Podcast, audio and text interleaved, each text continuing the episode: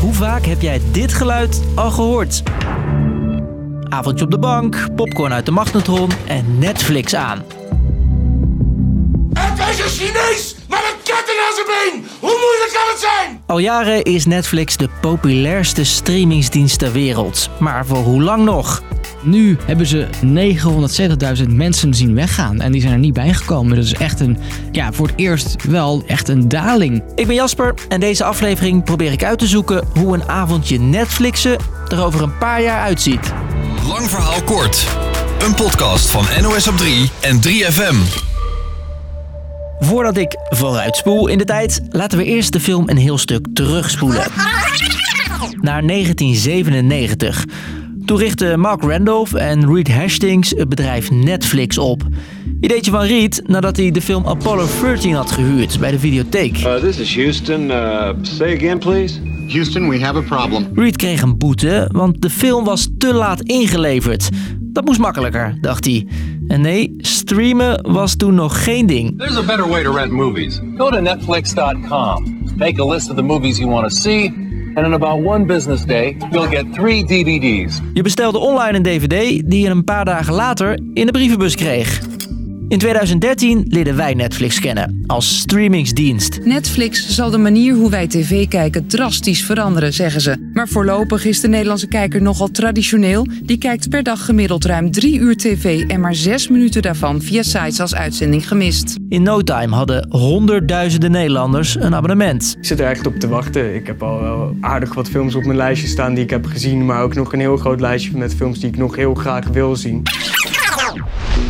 De afgelopen jaren is het bedrijf gigantisch gegroeid, met inmiddels meer dan 200 miljoen abonnees. Vertelt mijn collega Nando Kastelein, die alles weet over Netflix. Ze staan uh, helemaal aan kop als het gaat om aantal abonnees. Ze zijn verreweg de grootste en belangrijkste en interessantste speler op de markt. Dat zie je ook wel hè, als je bij mensen over hebt. Bijna iedereen kijkt naar Netflix. Maar in april dit jaar had Netflix voor het eerst in 10 jaar tijd minder abonnees. En de cijfers bleven de afgelopen maanden dalen.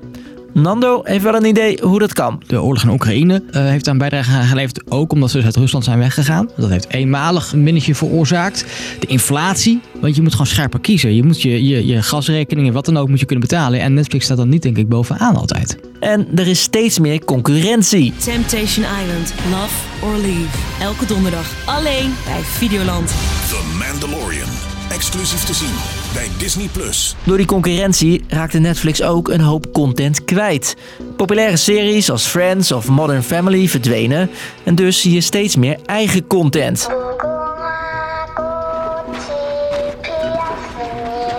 They killed Wyatt. He's dead. He's dead. En dan is er nog een probleem. Betaal jij eigenlijk wel voor je Netflix? Of flirt je lekker mee op het abonnement van iemand anders? Ik deel mijn Netflix-account met vriendinnen van mijn moeder. Mijn oom, ja, die zitten ook op het abonnement. Volgens Netflix delen wereldwijd zo'n 100 miljoen mensen hun account. En daardoor lopen ze veel geld mis.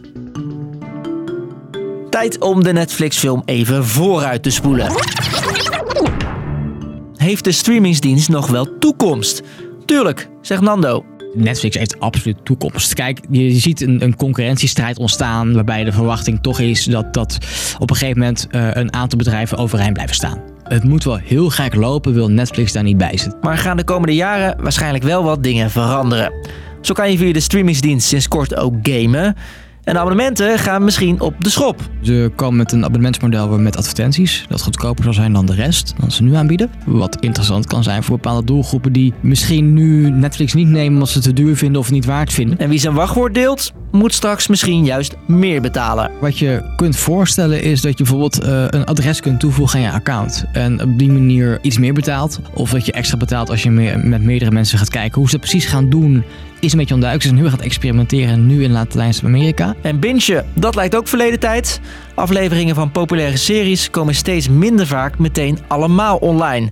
Zodat jij nog vaker met popcorn op je bank kruipt. Dus, lang verhaal kort. Netflix is wereldwijd nog altijd de grootste streamingsdienst. Met dik 200 miljoen abonnees. Maar het aantal werd de afgelopen maanden voor het eerst iets kleiner. Er is steeds meer concurrentie en omdat veel mensen hun wachtwoord delen, loopt het bedrijf een hoop geld mis.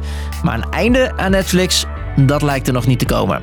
Was de podcast weer? Morgen, dan staat er een nieuwe aflevering voor je klaar. En uh, nu je toch luistert, binge anders even de andere 360 afleveringen van Lang Verhaal Kort. Kost je maar zo'n 30 uur. Net zoveel als alle seizoenen Stranger Things. Moet te doen zijn, toch? Succes!